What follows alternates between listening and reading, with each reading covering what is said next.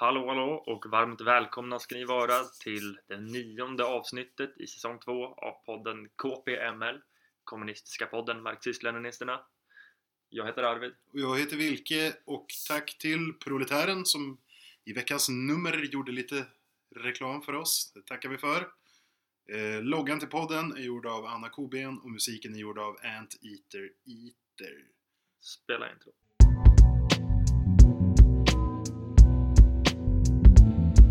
if you're going to talk about a revolutionary situation, you have to have people who are physically able to wage revolution, who are physically able to organize and physically able to do all that is done.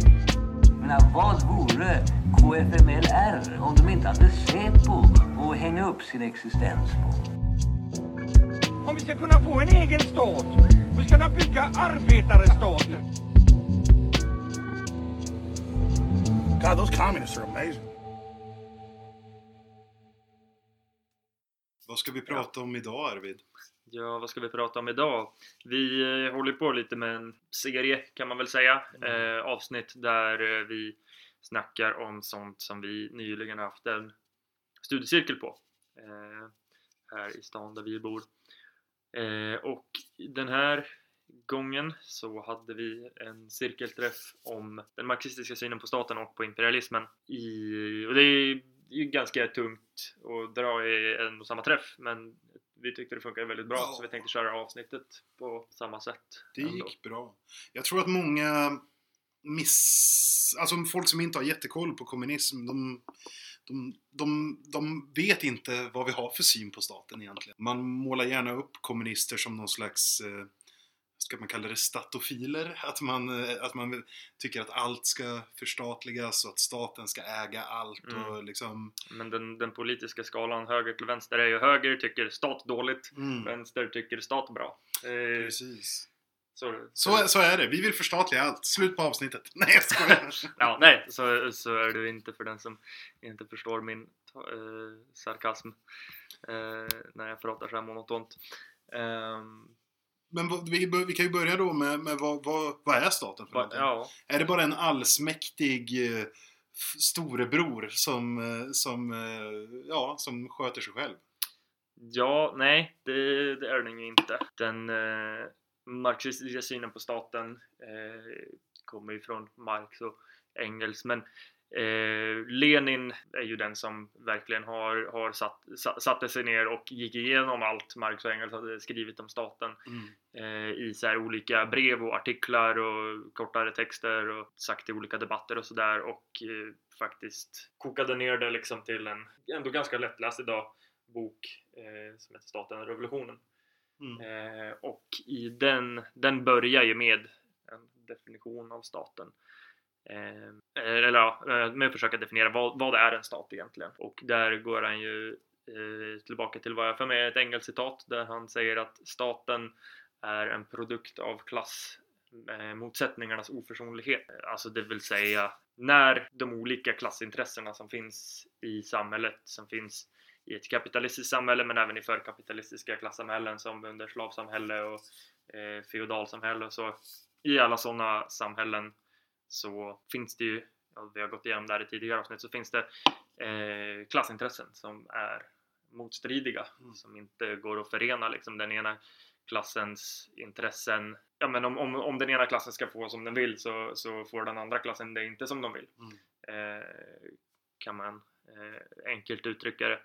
Och när de här motstridiga intressena ställs på sin spets, när det leder till liksom, kamp mellan de här klasserna eh, då behövs det en, eh, för att de inte ska förgöra varandra, för de är ändå samtidigt beroende av varandra. Mm. Eh, Det är ju den här, som vi gick igenom för något avsnitt sedan, den här dialektiska principen om motsatsernas enighet och kamp. Mm. Eh, Att även om de är motstridiga så behöver de varandra för deras existens. Precis. Kapitalisterna behöver arbetarklassen för att kunna fortsätta vara kapitalister. Mm. Och arbetarklassen, i den mån den vill fortsätta vara arbetarklass då, eller i den mån den vill fortsätta lönearbeta Mm. för kapitalister liksom, så måste den eh, ha kapitalister som kan anställa dem. Liksom. Mm, precis.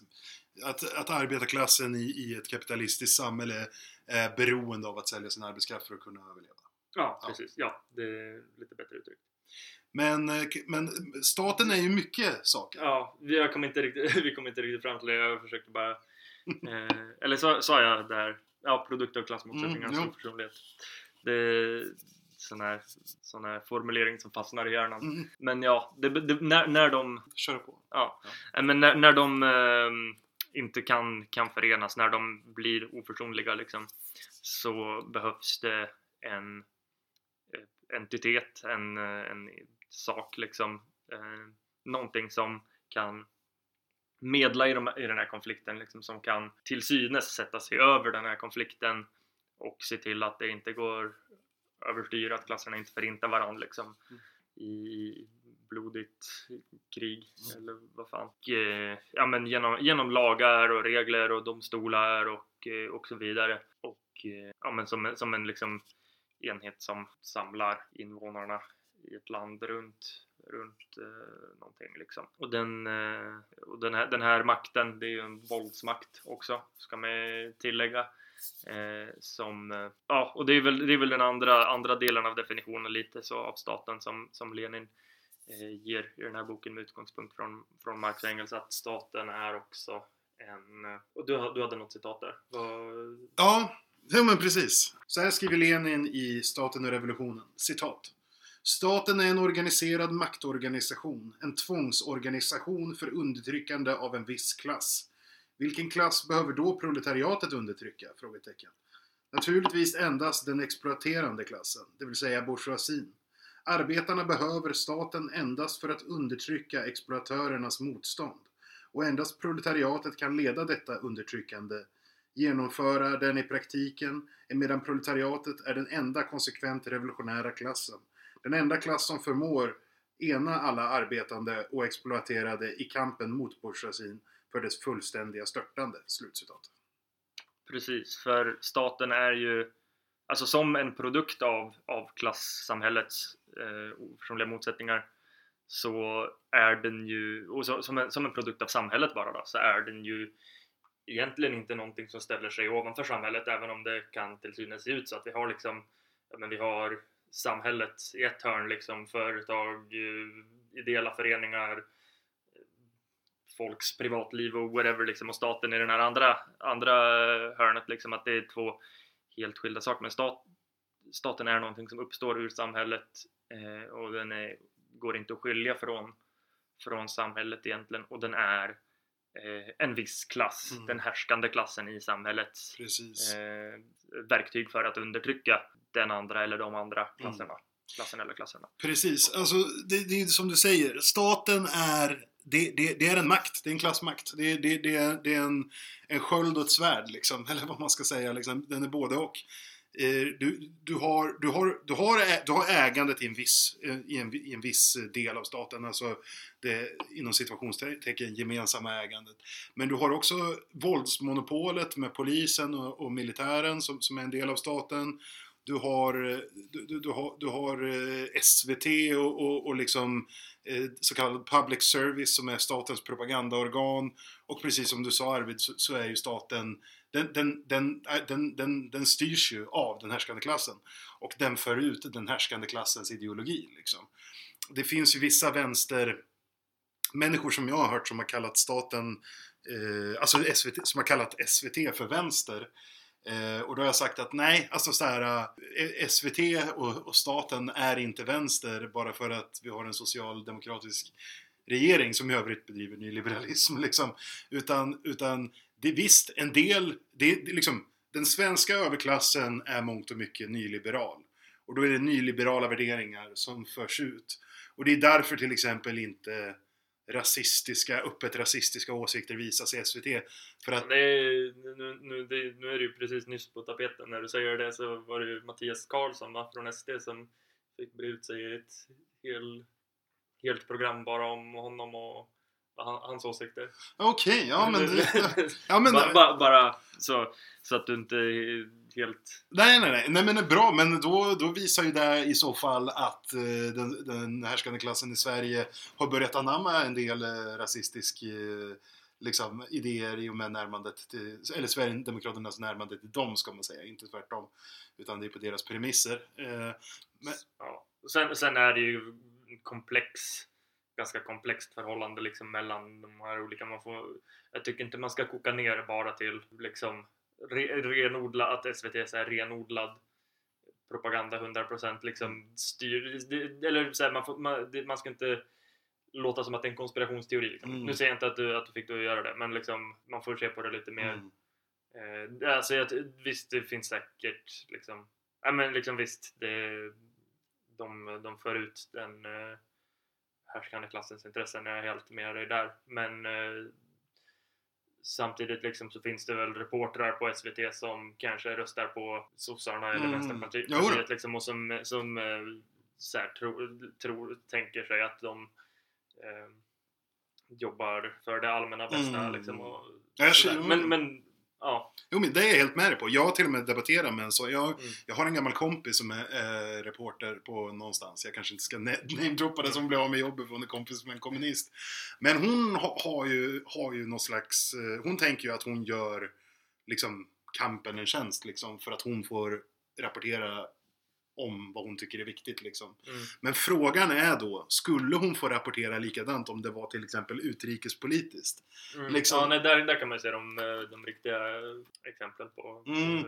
det, är klassiskt exempel, så här, jag är inte någon russofil, men jag tycker att det är väldigt intressant bara för att visa i den här kampen mellan, mellan eh, Moskva och, och, och Washington eh, så finns det ett klipp när SVTs eh, chefredaktör, heter det kanske, därmed, med, eh, är på rysk TV och blir intervjuad av RTs eh, chefredaktör. Och då säger, då, då, då RTs eh, chefredaktör nämner då flera exempel då RT rapporterar positivt om svensk inrikespolitik. Och tar upp, ja men så här, olika bra grejer och så bara men vi har inte hittat en enda positiv nyhet om rysk eh, inrikespolitik. Och då säger SVT... getosten. Ja, då säger de getosten bara The production of uh, goat cheese. eh, Så här, eh, och den här ryssen bara "M- Please, goat cheese. Liksom så här. eh. Men det visar ändå liksom så här. Jag säger inte att Ryssland är bra, men det visar att, att eh, rent utrikespolitiskt så springer den svenska så kallade statliga median efter den USA-imperial, USA-imperialistiska agendan. Ja, Ja, precis. ja, men du, ja, Venezuela, Mm. Kuppen där nyligen liksom är ett tydligt exempel. Precis. Eh, Bolivia, också så här eh, tveksam rapportering om eh, att det var inte snack om en statskupp utan det var en sna- snack om att en president hade flytt landet. Typ. Mm. Så här, eh, precis. Och Kuba och ja, listan görs lång. Men så är det, då är vi med på vad staten är lite grann. Förhoppningsvis. Förhoppningsvis så, så är vi med på det. Eh, och En, då, kla, en klassmakt. en klassmakt, precis. Ja, och en produkt av oförsonliga klassmotsättningar. Precis. Eh, Precis, bra, bra citat. Men då, då, då, då kan, jag tycker vi kan prata lite så här. Vad, vad, här, om vi skiljer, här skiljer ju sig vi kommunister, vi skiljer oss åt från anarkisterna i synen på staten. För anarkister menar ju att staten, anar, anarkism är ju, vill ju ha det så platt som möjligt och ingen ska kunna säga till någon vad den ska göra utan det mesta ska ta i konsens, konsensusbeslut på en platt nivå. Och där så motsätter ju sig anarkisterna staten och de, de motsätter sig partipolitiken liksom för att partiet är en hierarkisk organisation och sådär. Eh, men där kommer ju vi då till begreppet proletariatets diktatur. För att det, det handlar ju om en, om, en, om en statsmakt. Det handlar ju om att förtrycka förtryckaren. Liksom. Mm. Att, att eh, det, okej, det vi lever i nu i Sverige 2021, det är en borgerlig, en borgerlig diktatur för att oavsett vilka partier vi röstar på så är kapitalismen inskriven i grundlagen i princip. Och hur mycket vänsterpartister som än, hamnar i riksdagen så kommer kapitalismen ändå att bestå. Det vi vill göra är ju då alltså göra oss av med det kapitalistiska samhället och byta ut den eh, den, den, oj, jag höll på att säga fel. Den, den, den borgerliga diktaturen eh, eller demokratin med den proleta, proletära diktaturen eller demokratin. Eh, vi har nämnt det här i avsnitt två, kommer jag ihåg. Eh, men det tåls att sägas igen att vi pratar inte om enmansvälde och vi pratar inte om någon diktatur i, i det som eh, gemene man tänker när de hör diktatur. Utan vi pratar om klassmakt liksom. Mm. Diktatur betyder herravälde och kommer ifrån det latinska ordet tror jag, diktatus, som betyder typ att bestämma. Mm. Eh, Så att, eh, eller ja men diktera liksom. Eh, Ja, och, och, och, då pratar vi ju om att vi vill ju ha ett samhälle där arbetarklassen bestämmer istället för att det är som idag, att borgarklassen bestämmer. Mm. Vi vill ha ett samhälle där arbetarklassen får arbeta och får skörda frukten av sitt eget arbete och där inte någon annan blir rik på, nå- på, på någon annans arbete. Mm. Och då ska jag gå till, till, till Josef Stalin eh, som säger så här för att beskriva proletariatets diktatur. Proletariatets diktatur är den proletära revolutionens verktyg, dess organ, dess viktigaste stödjepunkt, som upprättats för att för det första undertrycka de störtade utsugarnas motstånd och befästa eh, de uppnådda vinningarna. För det andra för att slutföra den proletära revolutionen, fullfölja revolutionen till socialismens fullständiga seger. Besegra bourgeoisien och störta dess makt kan revolutionen göra också utan proletariatets diktatur. Men att undertrycka bourgeoisiens motstånd, behålla segern i sina händer och marschera framåt till socialismens slutgiltiga seger. Det är revolutionen inte i stånd till om den ej på ett visst stadium av sin utveckling skapar ett speciellt organ i form av proletariatets diktatur som sitt viktigaste stöd." Slutcitat. Mm. Och, och, och det är ju där det handlar om. Att det, han, det, det, det handlar om att säkra eh, makten för arbetarklassen. Mm. Och det är, För gör man som anarkisterna och om vi säger att vi har en anarkistisk revolution liksom och så ska det vara platta råd som eh, försvarar alla stadsdelar och, och liksom Ingen- ingen- alla, ja, alla, ja, ingen central organisering. nej precis. Då, då, kommer, eh, då kommer kapitalisternas motstånd att Segra. segra Mm. ganska, ganska enkelt. Det, vi, vi, Det kan, vi, vi kan vara tydliga. Alltså, vi ser väl anarkister som kamrater. Liksom, och anarkister gör, gör mycket bra ut i världen liksom, i kampen mot fascismen och sådana grejer. Och jag förstår att man vill tro att den här platta, väldigt demokratiska, väldigt liksom, eh, snälla revolutionen som, som anarkister vill ha. Jag, jag förstår att man vill tro att det fungerar. Men när man ser till historien, liksom, hur många anarkistiska revolutioner har vi sett som har segrat? Ingen. Liksom, så här. Och det säger jag inte av förakt eller någonting mot, mot, mot anarkismen utan det, det handlar ju bara om, om realism. Liksom. Mm. Jag vill ha socialism inom min livstid. Och därför tror jag, och, och fienden är så jävla välorganiserad. Mm. Därför måste vi vara lika välorganiserade. Mm. Ja, men det, det, marxismen gör ju anspråk på att vara vetenskaplig liksom och då måste vi se vad som har, har funkat och inte och, och utgå från det. Liksom. Skulle vi se en anarkistisk revolution som lyckas då får vi omvärdera liksom, Mm. synen på staten. Ja, men eller eh, ja, som det ser ut så kommer det nog inte, inte hända. Nej, precis. Men, men med det sagt liksom så här. Jag ser många anarkister som kamrater. Jag vill inte peta dem i ögat. Men, men, men, men, men, men ja, det är bara så det ligger till. Mm. Det är inte vårt fel. Nej. Nej, alltså ett, ett citat som jag vill dra eh, från staten revolutionerna om det här med, med eh, eh, demokrati och diktatur då, och liksom att eh, de begreppen i någon mening är liksom eh, ja, nej men att en, en klass makt över en annan är är den, den, den klassens demokrati Eh, den andras diktatur liksom. Eh, Lenin säger att inom det kapitalistiska samhället finner vi, förutsatt att detta samhälle utvecklas under så gynnsamma förhållanden som möjligt, en mer eller mindre fullständig demokrati i den demokratiska republiken. Men denna demokrati är alltid inpressad i den kapitalistiska exploateringens trånga ram och förblir därför i själva verket alltid en demokrati för minoriteten, en demokrati endast för de besuttna klasserna, endast för de rika. Det kapitalistiska samhällets frihet förblir alltid ungefär densamma som friheten var i de forngrekiska republikerna. En frihet för slavägarna. De nutida löneslavarna förblir, i kraft av den kapitalistiska exploateringens villkor, till den grad nedtryckta av nöd och elände att de har annat att tänka på än demokrati och politik. Att befolkningsmajoriteten under händelsernas vanliga fredliga förlopp är utesluten från deltagandet i det offentliga och politiska.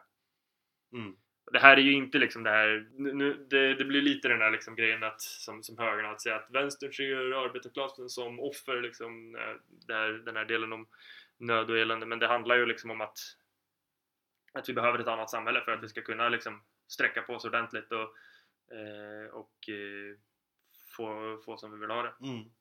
Lite som det står på en affisch här bakom mig. Det står Sozialistischer Aufbau, der einzige Ausweg aus Not und Elend. Det betyder det socialistiska uppbygget är den enda utvägen från nöd och elände. Och det är ju där det handlar om liksom. Att det, det, och speciellt på den här tiden, då tycker jag att alltså, det är inte fel att prata om nöd och Nej, elände. nej. För var det något arbetarklassen Ja. levde i i början på 1900-talet så var det väl nöd och elände. Jo, liksom. jo. Och i många andra delar av världen Mm. fortfarande idag. Ehm, och då kommer vi nästan lite in på nästa eh, ämne som Mm. är imperialismen. Men en sak vi skulle snacka om först här eh, i synen på staten och det Mm. var ju Socialdemokraterna. Tage, Tage. Ja, precis, precis. Eh, eh, Ja, men socialdem- ja, ja, Ja, ja, men det tycker jag är bra. Socialdemokratin. hur, ser, hur ser man på den? Eh, alltså Socialdemokraterna, eller socialdemokratin som ideologi eh, är ju från början den, den reformistiska grenen av socialismen som ville, ville kämpa för socialism inom den eh, för, för att liksom nå socialistiska segrar inom den borgerliga staten reformera eh, ja, reformera det kapitalistiska samhället till ett socialistiskt steg för steg liksom. Eh, och då med den synen så, så menar man ju liksom att ja, men socialism är, är möjligt att uppnå inom ett kapitalistiskt samhälle och genom den borgerliga staten, genom den borgerliga demokratin eller med ett annat ord den borgerliga diktaturen. Mm. Ehm, och då kommer man in på frågan, liksom, kan en kapitalistisk stat vara eh, liksom, någonting man kan vinna segrar genom? Och där kan man säga att i viss mån så, så går det att tillkämpa sig segrar liksom, genom, genom den borgerliga staten. Det det vi har sett exempel liksom, på med den reformistiska arbetarrörelsen i, i bland annat Sverige. Liksom. Mm. Dagskrav. Ja, precis. Man, man kan nå vissa segrar, men de här segrarna kan ju rullas tillbaka. Mm. Eh, Och det har vi sett. det har vi verkligen sett. Det har vi sett under ja, men i princip hela våra livstider. Mm. Liksom. Eh, så- Och kanske, kanske främst de senaste åren bara. Ja, ja, men så LAS och strejkrätten, nedskärningar i offentlig sektor och, och så vidare. Liksom. utförsäljningen av allmännyttan, liksom så här, gamla miljonprojekt som Mm. privatiseras. Liksom. Mm, Eller miljonprogram. Jag säger alltid projekt, men det är program. Yes. ja, nej, men de, det, kan, det kan liksom tas det som har vunnit ena dagen kan tas ifrån en nästa Mm. dag. Mm. eh, eller nästa mandatperiod liksom. Så vill vi, vill vi liksom vinna varaktiga segrar så, så räcker inte reformism och socialdemokrati. Eh, ska vi, då är det en socialdemokrati som har blivit mer och mer tandlös.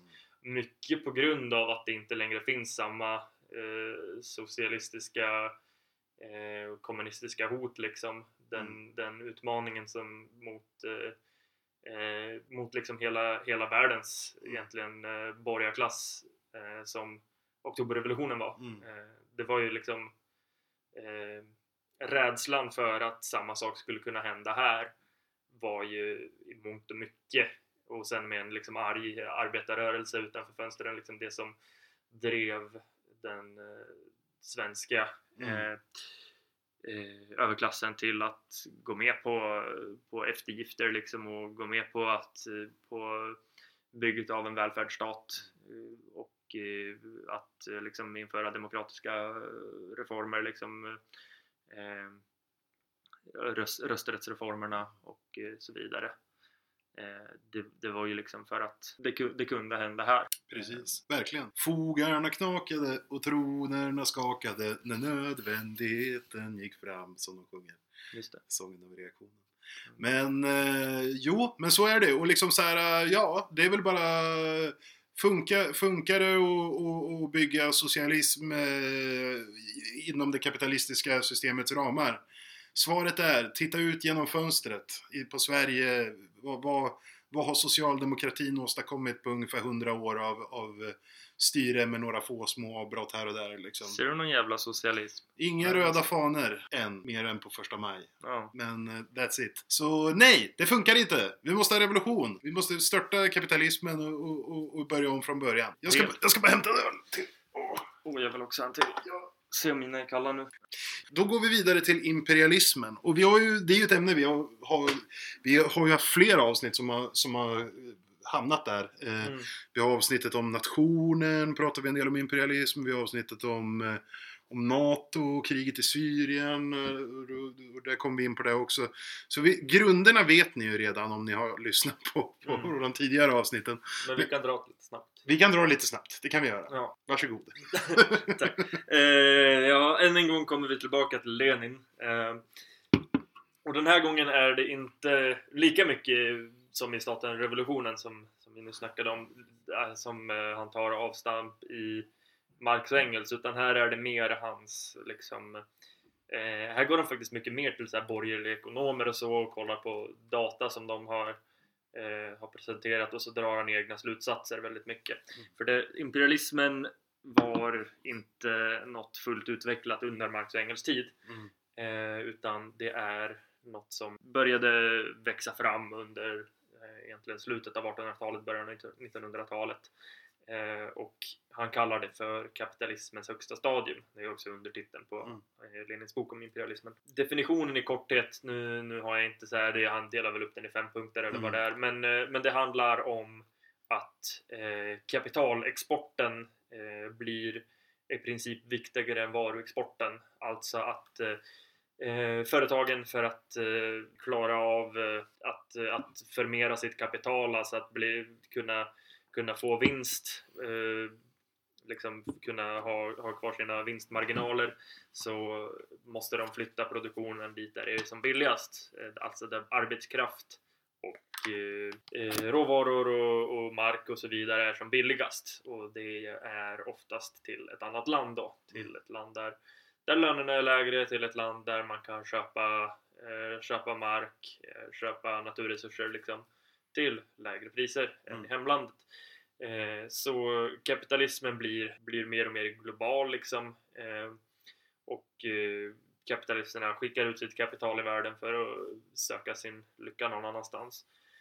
Väldigt mycket handlar om det. Och det handlar om, om finanskapitalism, liksom att eh, ja, men bankkapitalet och industrikapitalet eh, är det som man menar går samman liksom skapar det här eh, finanskapitalet det, den här, de här, den här klassen av kupongklippare som man kallar det för som bara sitter och eh, hovar in eh, stålar på liksom eh, ett eh, riskspel mer eller mindre. Och, eh, det handlar om uppdelningen av världen liksom efter var naturresurser finns och så. Eh, och av det kommer också krig mellan, mellan nationer liksom för, eh, för naturresurser och, och influens liksom över makt över olika områden, landområden och så. Strategiskt viktiga punkter. Och, Mm. ja. Precis, eh, och därför kallar marxister ofta första och andra världskriget för första och andra imperialistiska omfördelningskriget. Mm. Är det va? Som man brukar Precis. säga ibland. Jag tror Lenin i början kallade första för det stora imperialistiska kriget. Men han hann ju Mm. aldrig uppleva det andra. Nej. att, eh, Men eh, ja, det, det är kapitalismen eh, på, på dess förruttnelsestadium. ja. Och monopolen. Dess, det, ja, precis. Dess monopolistiska, st- Mm. kapitalismens monopolistiska stadium. Eh, där liksom konkurrensen slår över i sin motsats. Där liksom när eh, de små kapitalen blir utslagna och konsolideras liksom i ett litet antal händer Mm. så uppstår, uppstår monopolen som liksom ja, negerar, eh, för att återgå till dialektiken, negerar eh, den eh, kapitalistiska principen om, om konkurrensen. Liksom. Mm. Där går ju kapitalismen in i sin liksom, förruttnelsespiral Mm. verkligen stagnerar. Eh, och det är också det, det, leder- det, den här monopolismen, det är ju också det som det har vi väl också snackat om liksom, det är att, eh, att det samlas i färre och färre händer, liksom centraliseringen och också socialiseringen, liksom att folk blir mer och mer beroende av varandra, att folk gör saker mer och mer liksom i, i stora, sto, stora, stora företag liksom, Mm. som är liksom helt beroende av, av sina, sina olika delar liksom, Mm. och eh, människor som är helt beroende av varandras arbete liksom, samtidigt som ägandet förblir privat i de här och det tar sig uttryck i sån här, sån här skit som att vad är det, är det åtta personer som äger mer än jordens halva fattigaste Mm, det är något sånt. Det är fruktansvärt. Och så, sån, sån Mm. skit. Det är det det leder till. Mm. Där har vi en kort, kort eh, beskrivning av imperialismen. Mm. Eh, så då, då går vi över lite till eh, Vilka är emot den? ja, Vilka är emot imperialismen? din... Eh, Jag är det i alla fall. ja, jag med. Ja, då är vi två. Är du det? Du som lyssnar? Precis. ja, nej men det, där, det, och det här är ju lurigt alltså. Vilka, vilka, vilka för den antiimperialistiska kampen idag? Och så. För det finns ju massor med olika. Åker du till Iran, diktaturen Iran till exempel, så ser du ju Crash US Imperialism, står det stort på något torg där, liksom på någon vägg. Eh, Mm. liksom. Eh, och, och, och, det, och det är väl det som är, som är frågan att, att vi ser, vi var lite inne på det förut, det blir en bra ihopbindning här, men, men liksom så här, vi ser ju hur, hur Sverige är ett litet imperialistiskt land som eh, lutar sig åt eh, USA-imperialismen mer än åt det ryska försöket till imperialism eller den kinesiska imperialismen. Eh, men frågan är liksom var, var, var, var, var går gränsen? Blir Kina antiimperialistiskt bara för att de är emot USA-imperialismen? Eller, eller, eller måste man liksom vara antikapitalist för att vara emot imperialismen? Mm. Blir, blir liksom en konkurrerande imperialism progressiv bara för att det inte är den, den i huvudsakligt dikterade, dikterande imperialismen liksom? Mm. Ja, det är, det är intressant. Vi snackade ju om det här. Det var ju en av de grejer vi snackade mest om under- den diskussionsträffen i studiecirkeln. Mm. Nästan. Eh, och jag skulle väl säga att jag, jag skulle väl säga att man kan eh, liksom se, se vissa, vissa rörelser liksom, eller kamper som, Mm. som progressiva som en del i liksom att de, de eh, slår tillbaka ett uttryck Mm. av, eh, av imperialismen. Men ska man vara mot imperialismen som sådan och liksom eh, hoppas eh, liksom förgöra det Mm. systemet, det imperialistiska systemet, då måste man också vilja förgöra det kapitalistiska systemet. Mm. För som sagt, imperialismen är, är kapitalismen Mm. på dess högsta stadium. Precis. Eh, så ska man, ska man vara antiimperialist så måste man också vara antikapitalist. Mm. Det, det, det är inte något som går att skilja åt liksom. Iran kan inte befria världen från imperialism. Nej, de Nej. kan, de kan slå tillbaka eh, imperialistiska attacker Sitt land. mot sitt land, Ja. absolut. Eh, Men de kan inte leda, leda världens arbetarklass i en Mm. revolution mot, eh, mot det kapitalistiska imperialistiska förtrycket. Nej, precis. Bra sagt. Nej, men så är det. Jag tycker Kina, det är ett bra exempel för där har vi ju, och det här kommer vi prata mer om i nästa avsnitt kan vi säga också, göra bara en liten sån här blänkare. Men, men, men, men liksom så här, Kina, jag anser att Kina är ett kapitalistiskt land, jag anser att Kina är ett imperialistiskt land.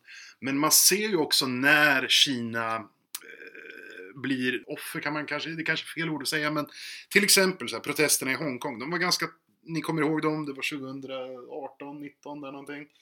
Eh, det blev ett uppror i Hongkong som var väldigt tydligt borgerligt och imperialistiskt. Det var amerikanska flaggor och det var banderoller där det stod ju Trump, please liberate Hongkong. Då såg man ju enligt mig en USA-imperialistisk aggression mot Kina. Eh, där man försökte måla ut de här protesterna i Hongkong som, som så här, frihetsälskande kineser som vill bli av med, med det, det kommunistiska oket. Liksom, så här. Och där tyckte jag, då, då, då, så sa jag, då sa jag ifrån i alla fall liksom, och sa så här, nej. Det här upproret, det, det är ett imperialistiskt borgerligt uppror mot Kina. Men det gör ju inte att jag försvarar det kinesiska kommunistpartiet som någon slags eh, fram, eh, eller fram, framträdande representant för kampen för socialismen liksom. Nej. Ut, ut, ut, ja. Nej, det, alltså det, jag, jag tror det, det fanns nog väldigt mycket olika eh, vad ska man säga, ten, te- tendenser och liksom viljor i, de där, i det där upproret liksom. Eh, det fanns väl olika fraktioner säkert men, men eh, den eh, liksom i alla fall USA imperialistiska då om man ska sätta ett förtecken för det liksom där Mm. eh, propagandaapparaten använder ju helt klart det här liksom i sin ja, men, mediastrategi Mm. eller vad fan man ska säga liksom Mm. eh, för, för sina syften och det, det får man ju genomskåda utan att för den sakens skull Mm. så här, fåraktigt tar, tar den andra sidan bara Mm. direkt. Eh, nu kan jag i många fall tycka att så folk som bara jag är inte för den ena eller den andra sidan är lite fåniga men jag tror att just i de här fallen så får man liksom ja, det är viktigt att eh, ha en nyanserad bild. En marxistisk bild. Ja, en marxistisk bild. Det det ja, ja, precis. Jag ska, jag, jag ska inte sitta och ironisera över. Man ska ha en marxistisk analys av, av skiten, för fan. Ja. Ja. Eh, Det kanske är samma sak som nyanserad. Ja, Ja. ja. jag tycker det. Om man gör på rätt sätt. Vad var det som sa det? I can't help that reality is Marxist. Jag tror det är en parafras på Che Guevara. Ja, just det. Just det. Ja. Nej, men, nej, men det är ju intressant och liksom så här. eh, Jag skulle ju påstå att världen har två stora imperialistiska makter och det är Kina och USA. Ryssland har ambitioner eh, och drömmar om imperialism. Men jag, jag vill ändå påstå där att det, det är ett land med imperialistiska ambitioner och som försöker ibland, men som är så pass... Alltså det är ett u-land. Det är ett stort u-land med några, några städer som är, som är fina och skötta men mycket i förfall liksom. Eh, och så. Men vi ska inte fastna i den frågan nu, utan det tar vi i nästa avsnitt. Eh, eh, ja, men antiimperialismen. Alltså det som kan, jag kan tycka är tråkigt, det är liksom så här... Eh, lite det du sa, att, man, att många är sådär. Jag ska inte, man behöver inte ta ställning för någon. Men problemet är att när man, om vi säger så här. Eh, vi säger Venezuela-kuppen till exempel. Den här Guaidó eh, gör en statskupp i Venezuela. Och då finns det vänstermänniskor som säger ja men jag gillar inte Maduro men jag gillar inte Guaidó. Men reagerar du inte på ett statskuppförsök då är det ju mer som att du stödjer statskuppmänniskorna än, än de som blir attackerade. Liksom. De som får sina rättigheter undandragna. Liksom. Eller Bolivia. Liksom. Så här, att, att ibland så måste man välja det minst dåliga även om det inte är något som... Alltså Syrien, Syrien, det tycker jag är ett jättekrångligt exempel. Där du har jättemånga aktörer då när kriget var i full gång. Du, har- du har liksom syriska regeringen med Bashar al-Assad. Du har kurderna. Du har eh, Iran. Du har eh, eh vad heter de här? Eh, Hezbollah i Libanon. Du har Israel. Du har Saudiarabien. Du har USA. Och du har hela jävla EU. Som är och krigar och finansierar olika grupper och, och, och, och sådär. Men då måste man ju välja det minst dåliga liksom. Så här, och jag har varit öppen hela tiden med så här, jag, ty- jag tycker liksom så här att det bästa hade varit om kurderna som faktiskt bor i Syrien, att de kunde få bli, bli en autonom zon och att den syriska regeringen får ta hand om resten. För att det är det minst dåliga av alternativen. Sen blev det ju lite fel där när kurderna började samarbeta med Trump och ja, det snurrade till sig. Och nu är det som det är. Och liksom Turkiets fascisten där, Erdogans invasionsförsök där och så. Men ibland så kan man inte man kan inte bara säga att man inte stödjer någon. För då kommer det ju aldrig bli någonting där. Liksom, kolla på eh, Libyen idag, liksom, eller Irak idag. Liksom. Det är ju länder i anarki. Liksom, där folk mångt och mycket har det värre än vad de hade under Saddam och, och, och Gaddafi. Liksom, även om man inte gillar dem. Men ibland måste man liksom måste se var kommer hotet ifrån? Var kommer, vad, vad, vad, är imperialismens spelbrickor? Liksom, och hur kan man motarbeta Mm. dem? Liksom? Det blir lite för mycket realpolitik för fin, renlärig eh, marxisthjärna. Men, Mm. men det, man, man måste liksom eh, ja, men, se vad konsekvenserna kommer bli. Precis. Det är det det handlar om. Liksom. Och eh, ja, vara var taktisk. Mm.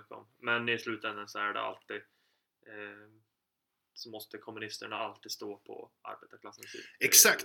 Och det kan komma en framtid när ett, ett annat imperialistiskt land uppdagas och, och, och springer om de andra. Alltså, det är belagd fakta även från borgerliga ekonomer att USA är ju på backlash. Alltså, det går inget bra för landet.